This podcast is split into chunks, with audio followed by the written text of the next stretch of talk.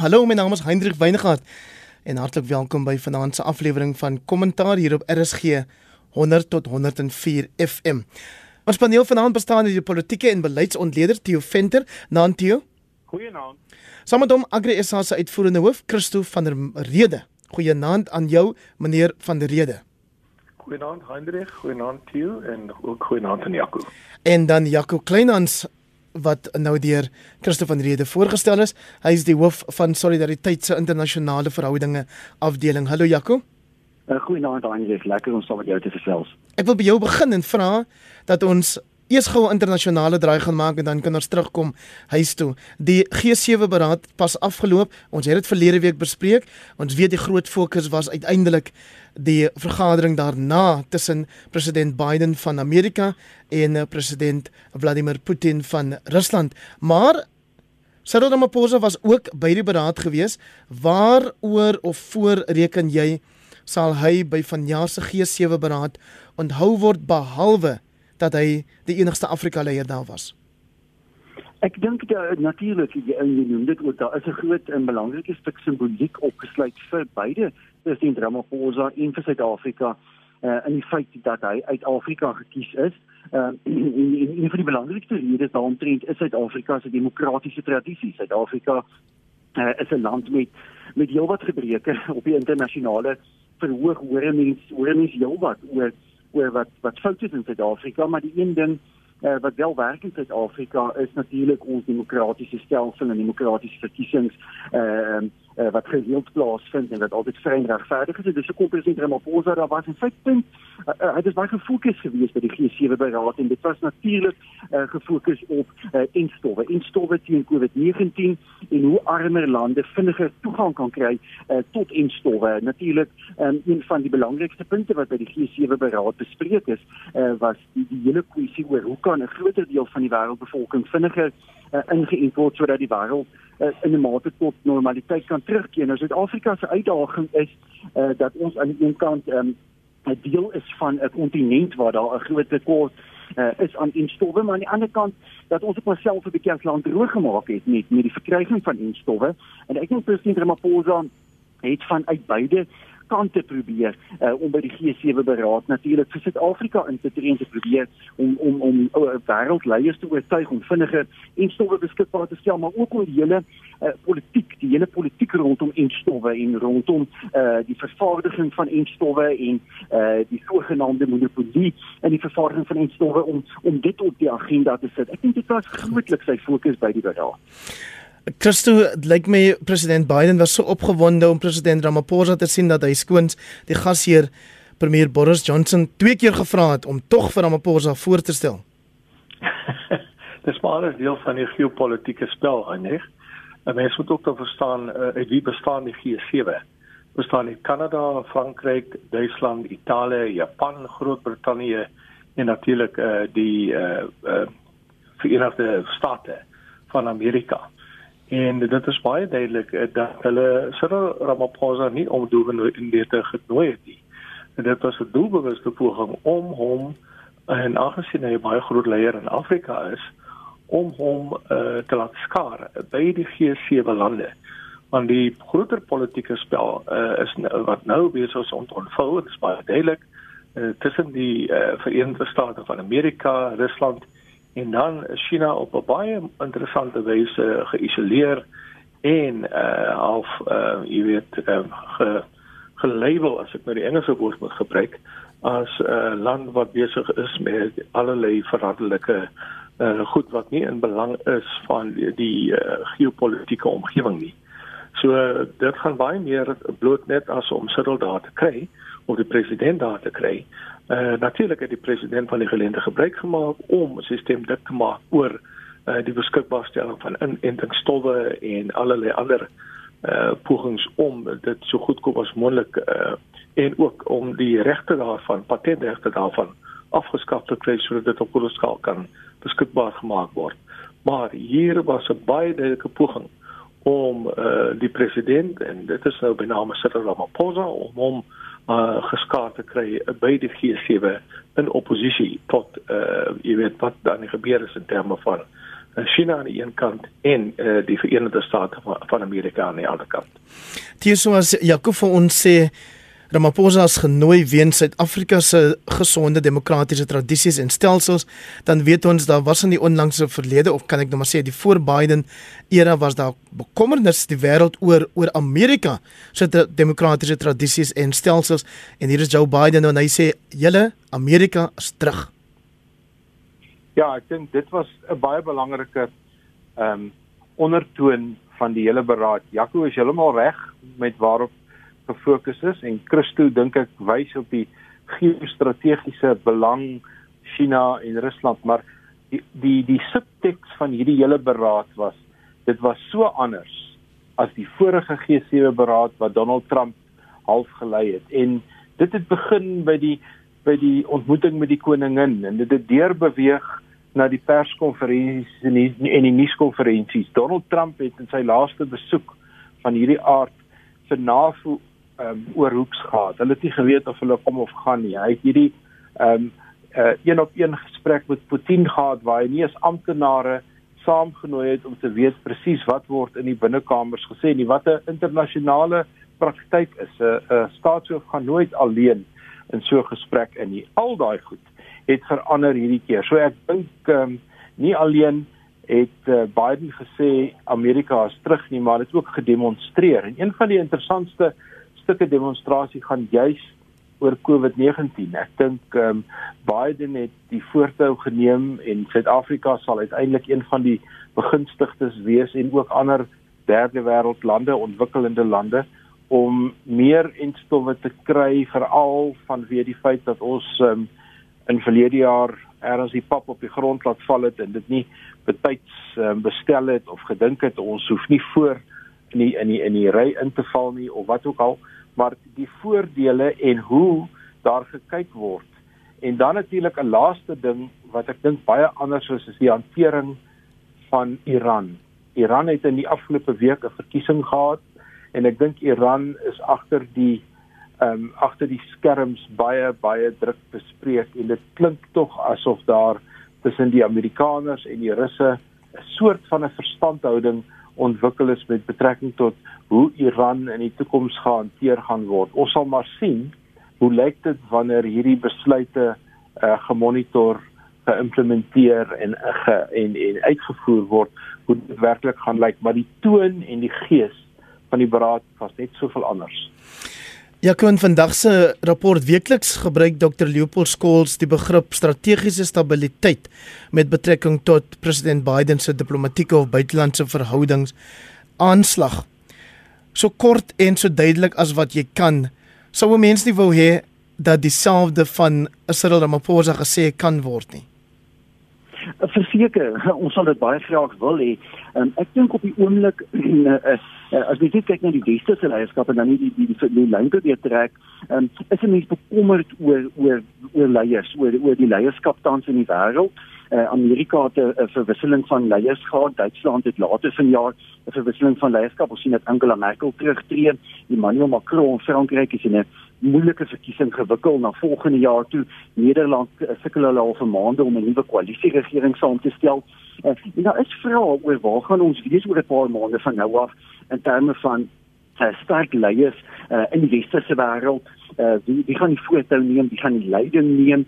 Uh en ek is nie oortuig na die G7 beraad uh dat dat dit baie sterk en duidelik na vore getree het nie. Ehm uh, wat ons van Joe Biden gesien het is 'n baie versigtige benadering. En daar was met goeie rede die die oorversigtige benadering van sy van sy ehm um, um, uh, strategiese raadgewers ook gewees, maar mens is bekommerd uiteindelik as jy die G7 beraad se se ehm um, verklaring gaan lees en jy lees die navolgeraad uh, se verklaring dan is dit sterk bewoorde verklaringe ehm um, wat eintlik sterk die westerse wêreld in konflik stel met uh, Rusland en met China uh en en daar is nie eintlik 'n antwoord of 'n oplossing op daardie konflik ja wat eintlik maar net gesê ons verskil ernstig ons is bekommerd oor die die die, die aanslag op demokrasie vanuit Rusland en vanuit China.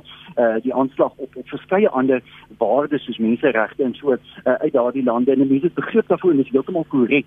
Maar mense vra amper so 'n bietjie waar is die soort van leierskap? Jy weet wat jy in 1985 gesien het toe Ronald Reagan en Michael Mikhail Gorbachev ontmoet het ook in Genève Switserland. Um, en die wêreld in die koue oorlog vasgevang was jy weet en het ons dit presies daar gehad daardie soort van groot leierskap en dit geld vir die westerse leiers en dit geld net soveel vir ons eie leiers ook. President Ramaphosa het duidelik sy boodskap gaan oordra by die G7 beraad, maar mense is nog nie heeltemal seker presies waar hy Suid-Afrika wil posisioneer en eintlik ook leiding wil neem vanuit Afrika nie. So ja, net so sê dit was rondom strategiese stabiliteit 'n suksesvolle paar dae gewees op die terrein van geopolitiek, maar die groot soort van leierskap wat ons tans nodig het, sien ek nog nie na vore tree wat regtig die aksies neem om seker te maak dat moontlike konflikte oor die volgende paar jaar uitgesluit word nie. Reken jy Christo dat Suid-Afrika dit reg kry om 'n goeie balans te handhaaf tussen ons rol, sê nou maar op die westerse verhoor soos 'n G7 beraad teenoor ons rol hier in Afrika? Inderdaad, maar dit gaan dit strek veel verder as dit daai neg. Uh dit is vir my baie duidelik dat die G7 uh Cyril Ramaphosa op een of ander manier, jy weet, laat toetree tot die internasionale verhoog om natuurlik hulle eie belange in Afrika te bevorder en te beskerm. Ehm um, Amerika, Groot-Brittanje het miljarde se beleggings in Suid-Afrika. Daai beleggings moet ten alle koste ehm um, uh, beskerm word en moet uitgebrei word.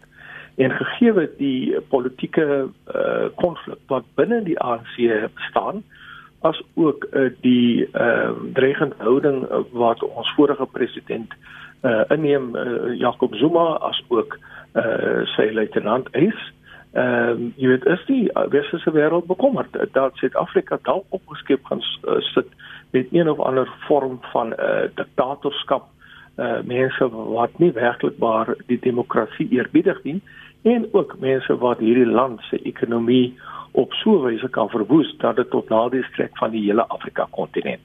En baie van ons Afrika lande is maar afhanklik van Suid-Afrika. Jy weet as ek net kyk na landbouuitvoere na Zimbabwe en na Mosambiek, na die res van Afrika. Uh en dit is lande met genoeg grond om hulle eie mense te voed, maar hulle het net nie die kapasiteit nie. Suid-Afrika speel 'n sleutelrol in terme van die Suider-Afrika uh, stabiliteit asook in, in terme van leierskap uh, in die res van Afrika. So uh, uh, dit is my baie duidelik dat uh, daai G7 lande uh se belange. Dit gaan nie net om uh um Cyril Ramaphosa toegang te gee tot die uh, G7 verhoog nie, maar agter die skerms was daar baie duidelik uh jy weet uh, aan hom opdrag gegee om Suid-Afrika op 'n pad van stabiliteit te plaas en om wesense belange in Afrika te bevorder.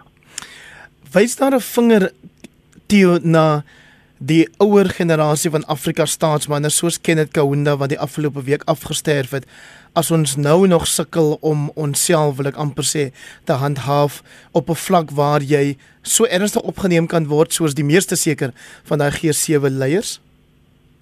Wel, ek ek is wat dit aanbetref 'n klein bietjie meer simpatiek. Kom ons dink nou maar net aan die man wat jy genoem het, Kenneth Kaunda. Hy het in 1964 ehm um, Zambië, die destydse Noord-Rhodesia tot onafhanklikheid gelei. Uh, dit is in politieke terme en in die vorming van state en gemeenskappe is dit maar nou die dag. Dis 'n kort rukkie gelede en dit neem dit neem baie jare vir vir lande om hulle self ons noem dit die proses van nasionale integrasie om om uiteindelik 'n staat te word. Dit selfs die Amerikaners sukkel hiermee want Amerika is breedweg so oud soos Suid-Afrika in terme van die vestiging en en hoe lank dit werk en dit dit vat tyd. Maar ek dink Afrika het beslis vir homself baie ellende veroorsaak en 'n groot deel van die ellende is ehm um, 'n terme van die groot sokkerwedstryde wat ons op die oomblik in Europa sien, eie doele wat ons aanteken.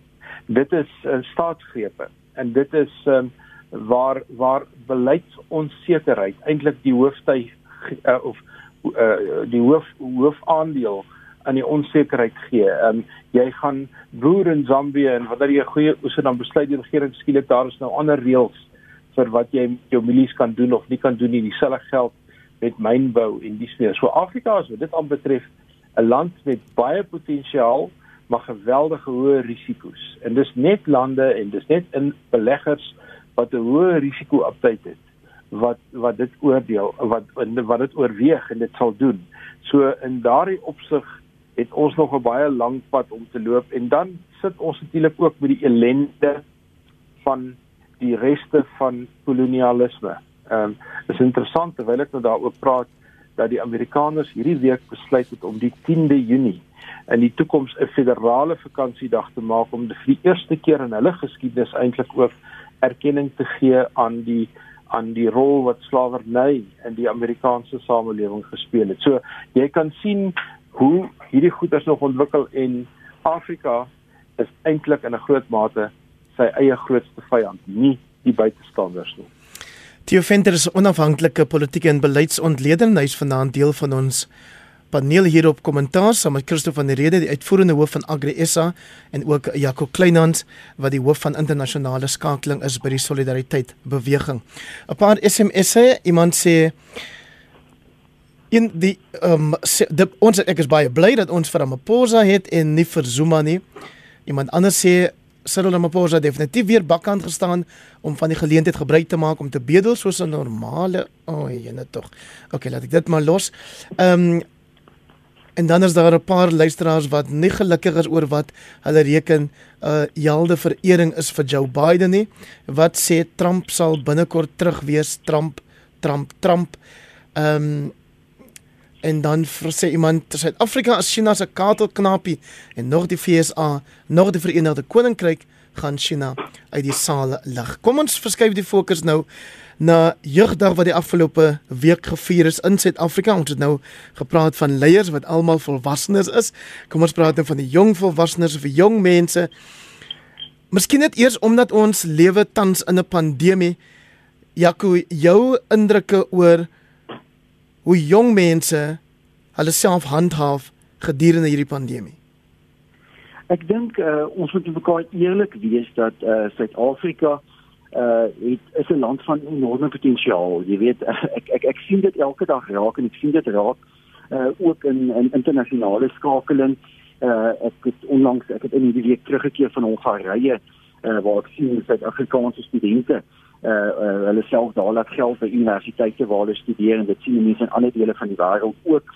Uh en die potensiaal van van ons uh, jong mense uh, uh, is een van ons se sterkpunte saam met saam met soveel ander uh, sterkpunte. Uh, uh, daar's te vinnig uh, die een van die ander deelnemers verwys na landbou. Ons landbou uitvoere wat verlede jaar so gestyg het. Jy weet daar's werklik wonderlike potensiaal vir ons jong boere.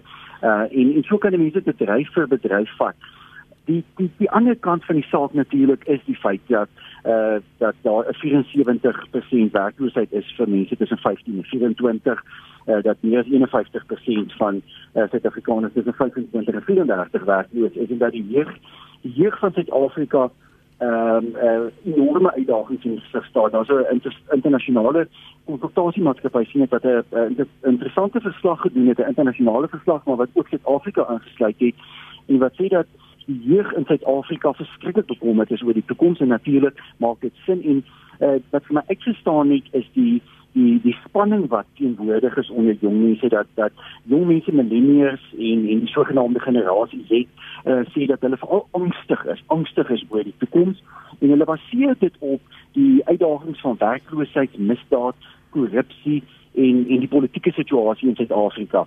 En en ek dink partykeer as jy so luister na die gesprekke, jy lees besondag die koerant, jy kyk waarmee waarmee is ons besig? Wat waarmee was parlementslede uh, in Suid-Afrika hierdie afgelope week besig geweest? Hulle praat oor grondwetwysigings en sulke soort van dinge. Die jeug van Suid-Afrika sê dat uh, omtrent 50% van die jeug van Suid-Afrika sê dat die grootste probleem in die land is werkloosheid. En die tweede meeste sê misdaad en dan korrupsie. Dit is die goed wat die jong wat die jeug uh, bekommerd maak. Ek dink uh, uh as as mens regtig gaan kyk na Suid-Afrika se jeug um, en en die land se hulpbronne uh, dan dan is die oplossing uiteindelik vir soveel dinge waaroor ons bang is, soveel dinge waaroor ons vrees wat in Suid-Afrika in die toekoms verkeerd kan loop. Um lê opgesluit sekerlik in die jeug, maar dan moet die fond, fundament uh, reg reggemaak word en en mense is bekommerd dat dat ons baie keer uh of dat die regering in Suid-Afrika baie keer uh 'n hele prioriteite in plek het, op die verkeerde dinge fokus en nie op dit wat die jeug sê wat die probleem is, werkloosheid, misdaad en korrupsie nie. Jakob, wil jy nie net daai statistieke stadiger met ons deel nie? Die werkloosheid ja, ja? Ja, ja ek volgens die nuutste werkloosheidsdata wat ek uh, vanmiddag so vinnig nog gaan kyk het, is tussen 15 en uh, 24 jariges is 74,7% werkloos en tussen 25 en 34 en dis 'n belangrike syfer net, dis eintlik mense wat klaar studeer is. Hmm. Uh, wat nie uh tussen 25 en 34 jaar oud is 'n baie baie belangrike deel van jou van die ekonomies aktiewe bevolking is meer as 51% van Suid-Afrikaners in daardie ouderdomsgroep uh, is werkloos. Uh, en uh, uh, dit is dit het ook nie bekommerd nou aan die Jy kan nie eintlik anders as om bekommerd wees daaroor nie. So het Christo die jeug dan enigiets om te vier in hierdie land. Dit hang af uh uh jy weet in watter stand jy jouself bevind. Ek dink uh, met die elite en die middelklas jeug uh, gaan dit redelik goed hulle toegang tot private skole, hulle toegang tot uh, jy weet universiteite en private universiteite van hulle ouers kan bekostig om hulle oorsee te stuur. En uh, daardie jeug is uh, jy weet in uh, selfs op skoolvlak uh, het hulle toegang tot tegnologie uh, onderwys. Hulle hoef nie skool toe te gaan om ek meen die feit dat baie van hulle hoef skool toe uh, om moes of uh, jy weet kon of kon skool toe gaan gedurende die inperkingstyd nie. Uh, het hulle wel toegang gegee tot uh onderwys uh deur middel van tegnologie. Maar drie kwart van ons jeug bevind hulle self in die werkersklas stand. En daar lê ons groot groot probleem. Uh baie van hierdie jonger kinders gaan elke tweede dag of selfs derde dag aan hulle skool toe. Uh baie onderwysers waarmee ek in kontak kom sê vir my dat hierdie jong mense, hulle weet nie hoe hierdie jong mense weet uh, 'n toekoms vir hulself, 'n beter toekoms vir hulself sal kan beding eendag nie. Want hulle het dood eenvoudig net nie uh, sterk uh, genoeg opkundige grondslag uh om dit uh, te kan uh, doen nie. Uh die matriekuitslae word gemanipuleer. Ons weet dit, uh, ons weet dat baie jong kinders word net van een klas na die ander klas oorgeplaas en hulle het nie die nodige vaardighede nie. Net so twee addisionele stukkies statistiek. Ek dink vir hierdie jaar uh, was daar 15000 minder matrikulante wat byvoorbeeld wiskunde as vak geneem het. In die landbouwetenskappe en die natuurlike wetenskappe so 7000 uh, eh, minder jong kinders wat ehm uh, was uh, wat hy vakke geneem het. En dan wil ek nie eens praat van die ander belangrike vakke wat 'n sleutelrol speel uh, in terme van uh, die moderne wêreld of die vierde industriële wêreld waarin ons self bevind. Die. En dit vir my as persoon, ek is bitter bitter bekommerd daaroor. Want daai kind gaan die skoolbanke verlaat, gaan universiteit toe kom met 'n totale gebrek aan vaardighede en kennis en uh indien dit nie maak op ons weet universiteite se uh, uitvalkoers is baie baie hoog en 'n mens kan 'n mens weet dit dat uh jy weet oor 'n paar jaar van nou af gaan daai uitvalkoers nog verder styg as gevolg van die gebrekkige opvoeding wat die jongers jong kinders kry.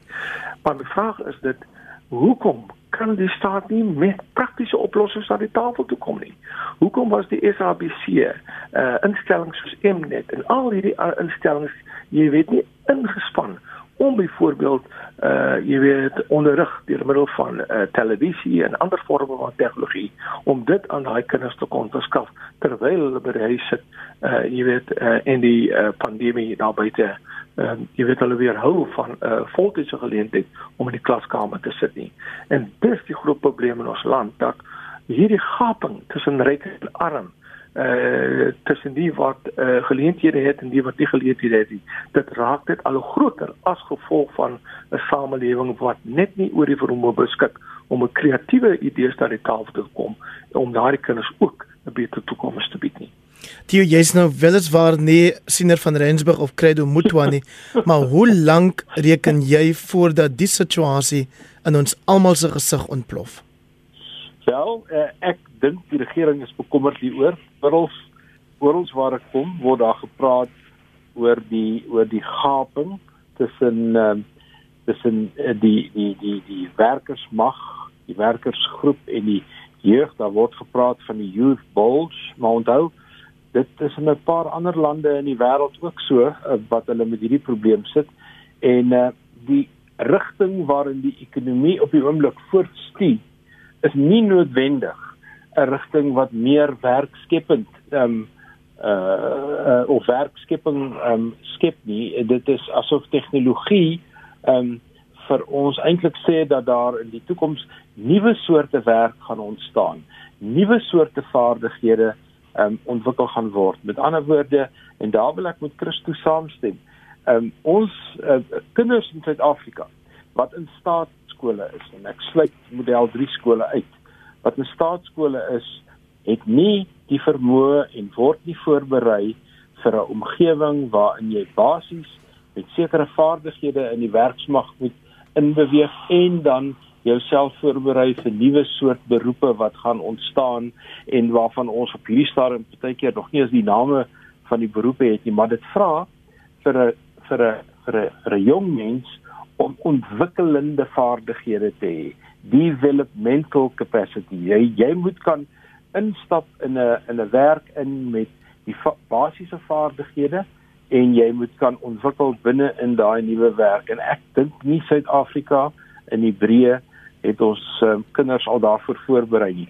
Dies wat op privaat skole is en die wat in meer gegoede skole is, um, ek is bewus daarvan dat hulle hierdie soort blootstelling kry en uiteindelik um, is die is die dilemma dat baie van hierdie kinders gaan soek weivelde elders omdat hulle nie hier geakkommodeer kan word nie. So ons is ons is in 'n dilemma en en dit vra nie vir Credo Moetwe of uh, Cedar van Rensburg nie. Ek dink die meeste mense wat met beleid en hierdie goed omgaan, weet ons sit in 'n dilemma en dit lyk nie vir my asof daar genoeg energie gegee word aan hierdie oplossings in die toekoms nie. Die Australië gou vir hierdie SMS van Susan, sy sê jy dis nou ek het 'n probleem om nie sekere SMS'e te lees nie, maar ek laat venter toe om die grootste snert kwyt te raak. Dis dan nou nie 'n reaksie op jou laaste kommentaar nie, maar laat ek net vir Susan en vir ander luisteraars sê wanneer ons besluit om nie hierdie SMS boodskappe te lees nie, is wanneer jy dink dis oukei okay om rassistiese taal te gebruik of beledigend op te tree teenoor ander mense en dit dink ek moet maar op ander platforms gedoen word. Daar's daarom ook hierdie SMS Heinrich jy in jou span vanaand 'n spyk dit sluit jou in Theo. En as president was baie professioneel by die G7 dis Herman wat so skryf. Jaco ek gaan vir jou as die uh, ek, ek ek kan vaar nou maar jy's die die jonger um, lid van die span van 4 vanaand. Dink jy die jeug doen self genoeg? Ja, nee, dis 'n goeie vraag. As jy nou nou, nou nie so jonk soos wat ek gedink het nie. nee nee nee. Ja, nou, dalk nie nie heeltemal nie, maar ek dink tog jy sal reg dat hy jongste in vier is. aanvaar nou die kompliment soos hy kom. ek aanvaar die kompliment. Nee, weet jy, um, ek ek dink die jeug kan sekerlik um uh kan sekerlik uh, altyd meer doen, jy weet. Ek dink ons leef uh, uh heeltemal te reg in 'n in 'n besonder veranderende wêreld en uh en die die die groot uitdaging is is, uh, om 'n omgewing en 'n klimaat te skep natuurlik waarin jong mense um, kan funksioneer. Baie interessante ander statistiek wat ek vandag raak gelees het is uit 'n peiling wat Ipsos gedoen het onder ook onder die jeug. Dis uh, hulle het 'n peiling gedoen onder Suid-Afrikaners jonger as 38 waarvan 'n derde gesê het dat hulle dink daar's net een manier om sekerheid te hê uh, in die Suid-Afrikaanse ekonomie en dit is om 'n entrepreneur te wees en jou eie onderneming te begin. Dit is wesentlik as 'n derde van van die Suid-Afrikaanse jeug sê dat hulle dink daar lê nie sekerheid in formele indiensname nie. Jou sekerheid gaan daaraan lê uh, om jou eie entrepreneursvaardighede te ontwikkel, eie onderneming te begin en daardeur vir jouself 'n toekoms te skep. Nou, da, dan loop jy jou vas teen die bureaukratiese rompslomp. Absoluut. Uh, en en daarin lê die probleem en ek dink ons moet regtig um, vergelykings gaan tref met lande uh, wat uit die as uit opgestaan het. Lande wat met hierdie soort van statistieke gesit het wat ek is uh, 'n mens wil nie alarmisties wees nie maar ek dink regtig indien ons kyk na die jeugwerkloosheid op die oomblik um, is dit 'n tydbom ons moet net mekaar ja. baie eerlik op hierdie program ook wees. Dit is gevaarlik om hierdie vlak van jeugwerkloosheid te hê maar dan wil ek ook sê daar's 'n klomp ander lande in die wêreld wat hierdie vlakke van jeugwerkloosheid gehad het en wat binne 10, 15, soms 20 jaar die situasie omgedraai het, omgekeer het. Um, uh, en hulle het dit gedoen deur natuurlik eerstens die onderwysstelsel reg te ry. Dit is die kern uh, belangrike ding en en daar steen ek saam. Ek dink ons ons ons moet met met uh, uh, as instellings in Suid-Afrika, alle burgerlike instellings met groter ongeduld werk met uh met uh die situasie waar kinders nie toegang het tot ordentlike goeie uh onderwys nie. Suid-Afrika het eenvoudig genoeg finansies beskikbaar. Ek dink nie die argument kan meer gebruik word dat daar nie binne die onderwysbegroting genoeg finansies beskikbaar is om elke Suid-Afrikaanse kind 'n goeie onderrig te gee nie. Die finansies is beskikbaar, dit moet ordentlik aangewend word. Kinders moet goeie onderrig ontvang en dan moet daar goeie naskoolse opleiding beskikbaar wees. Hier sê SMS van uh, Rita wat sê moet ons die oorbevolking aanspreek nie. Hoe kan ons ooit al die kinders akkommodeer?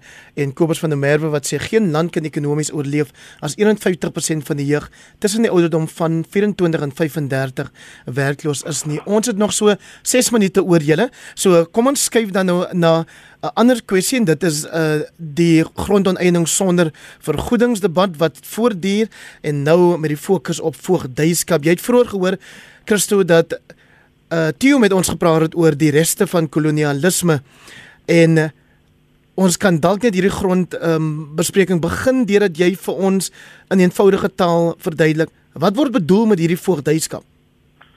Voogdyskap beteken dat grond uh deur die staat vorentoe geadministreer gaan word. Dit beteken dat die staat beheer neem oor grond, die staat sit 'n bureaukrasie in plek. Daai uh, bureaukrasie besluit, jy weet, uh wat uh met daai grond gaan gebeur. Nou dis 'n bietjie anders as nasionalisme, uh jy weet of ja, ach, nasionalisme as nasionalisering waar die grond direk onder die staat se uh, beheer val. Nou die groot groot uitdaging Heinrich is die volgende. Die staat het uh, so wat 5500 plase. As jy kan onthou het die president in sy vorige toespraak uh, uh stand van die nasie toespraak uh, dit daai feit uitgelig. Nou op die meeste van daai grond gaan dan niks aan nie. Plase het tot stilstand gekom. Die mense wat daar sit het nie vermoë om te kan boer nie en uh, nog meer hulle het ook nie toegang tot produksielenings nie. Ek is van mening dat dit is nie grond wat kos produseer nie, dit is kundigheid wat kos produseer en die afwesigheid van kundigheid gaan daai 5500 plase wat die staat miljarde rande voor betaal het, gaan dit net 'n groter albatros word om die staat se nek en dit gaan dit is steeds besig om die land se ekonomie te benadeel. Dan het die staat soveel 40 agriparke geskep. Ek het persoonlik van daai agriparke gaan besoek. Uh die dit wat die bedoeling daar was om uh jy weet kommersiële boerdery en kommersiële uitsette te bewerkstellig in daai agriparke. Daar gaan vandag niks aan nie uh, dis uh, forme van bestaansboerdery hier en daar, maar die meeste van daai agriparke is in 'n vervalle toestand. En dan het jy ook 1500 community property associations, gemeenskaps uh, verenigings wat beheer het oor so 1500 plase en uh, daai uh, goed is ook absoluut disfunksioneel. Uh die dit het gelei tot verarming van mense in plaas daarvan dat dit tot welvaartskepping kan lei. Ons argument is, jy weet, vanuit landboukringe is ons is heeltemal gekant teen enige vorm van nasionalisering, enige vorm van boerderyskap, want die staat het vir ons bewys dat die staat het nie die kapasiteit om uh, enigstens landbougrond na behoore te bestuur nie. Die staat het nie eens 'n behoorlike rekord van wie is op daai grond nie. Die staat ontvang nie eens huurgeld vir uh, die verhuuring van daai grond. En ons weet van baie gevalle waar die staat mense afskei van die grond af ja. om natuurlik die politieke elite bevoordeel. Kom ons wat ons sê is ons moet grondhervorming op 'n ordelike wyse laat geskied. Ons moet dit doen. Maar ons kan dit slegs doen as ons dit behoorlik bestuur en as ons mense titelakte gee. Miljoene swart mense in Nederland en nie tot vandag toe nog nie eiendomsreg nie. Ons moet dit eerder uitbrei as wat ons die staat die eh, die verantwoordelike begee om daai grond namens mense te wil bestuur en namens hulle te besluit wat daar moet gebeur op daardie grond. Ek gee vir jou 1 minuut en ook vir Jaco 1 minuut want ons tyd raak regtig min. Jammer nou daaroor. Dis nie julle skuld nie. Theo, rapport sê ook vandag ja, ons moet eenvoudig die rasgebonde verwronge struktuur van grondbesit verander. Ons kan dit nie los nie en dink dit gaan van self regkom nie. Die groot debat is oor hoe ons dit moet doen. Ja, dit is dit is die groot debat en die dilemma wat ehm um, Christo nou ook ehm um, aan ons uitgelig het is natuurlik dat die ANC het 'n 2/3 meerderheid nodig om hierdie veranderinge aan te bring en die EFF is lyk my 'n onwillige vernoot in die soeke na 'n 2/3 meerderheid, maar nog belangriker wat Christo gesê het is die aanwending van grond produktief ons is op die oomblik besig om op minder en minder grond produktief te boer met 'n landbou um, bedryf wat meer en meer effektief word en waar minder en minder mense in diens geneem word. En ons wil die omgekeerde hê. Ons wil meer mense in diens neem en ons wil meer grond benut en ek dink wat dit aanbetref staan ons grondhervorming voor 'n groot krisis en ek dink nie een van die wysigings wat op die oomblik voorgestel word gaan daardie krisis vir ons oplos nie. Jaco, jy het vroeër verwys na julle besoek aan Hongarye waar julle onder meer die Hongaar-Suid-Afrikaanse of Suider-Afrikaanse Vriendskapsvereniging gestig het. Die sal onder meer die in- en uitvoer van landbouprodukte organiseer. Maar ek wil by jou weet op watter stadium praat ons oor of ons voormalige koloniale heersers Nederland en Brittanje ook 'n rol behoort te speel in hierdie grond hervormingsprojek waarmee ons besig is. 1 minuut asseblief. Ek dink uh, almal moet 'n rol speel en ek dink uh, baie speel reeds 'n rol. Ek dink daar's 'n gewilligheid uh, vanuit die weste en vanuit Europa om saam te werk met Suid-Afrika. Ons aanvaar almal uh, dat daar meer swart suksesvolle swart kommersiële boere in Suid-Afrika moet wees. Maar swart uh, kommersiële boere in Suid-Afrika slaag wanneer hulle eiendomsbesit het, wanneer hulle plaas besit, hulle kan geld leen daarteen, um, hulle uh, kapitaalinvestering in daardie plaas te doen. Terwyl Suid-Afrika se ekonomie verlede jaar met 7% gekrimp het, het ons landboubedryf meer as 13% gegroei. Dit terwyl meer as 9 miljoen en 10% van ons landbougrond word tans alreeds deur die staat besit. Ek dink eenvoudig meer mense moet landbougrond besit, hulle moet kaart en transport hê sodat hulle kommersiële boere kan word. Ons het enorme potensiaal in Suid-Afrika om meer landbouprodukte uit te voer. Dit gaan werksgeleenthede skep, dit gaan 'n klomp inkomste vir ons land skep, gaan definitief vir die land se finansiële posisie heelwat verbeter.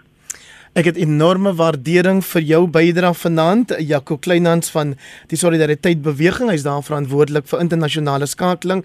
Ook so aan jou Christo van der Rede, uitvoerende hoof van Agri SA en dan iemand wat ons weet nou al van die begin van kommentaar met ons aankom. Theo Venter, onafhanklike beleids- en politieke ontleder. Verskriklik baie dankie ook vir jou en Christo se bydraes vanaand. En dan natuurlik baie baie dankie aan julle wat so getrou inskakel. Mag jy 'n fantastiese en 'n gesonde week hê.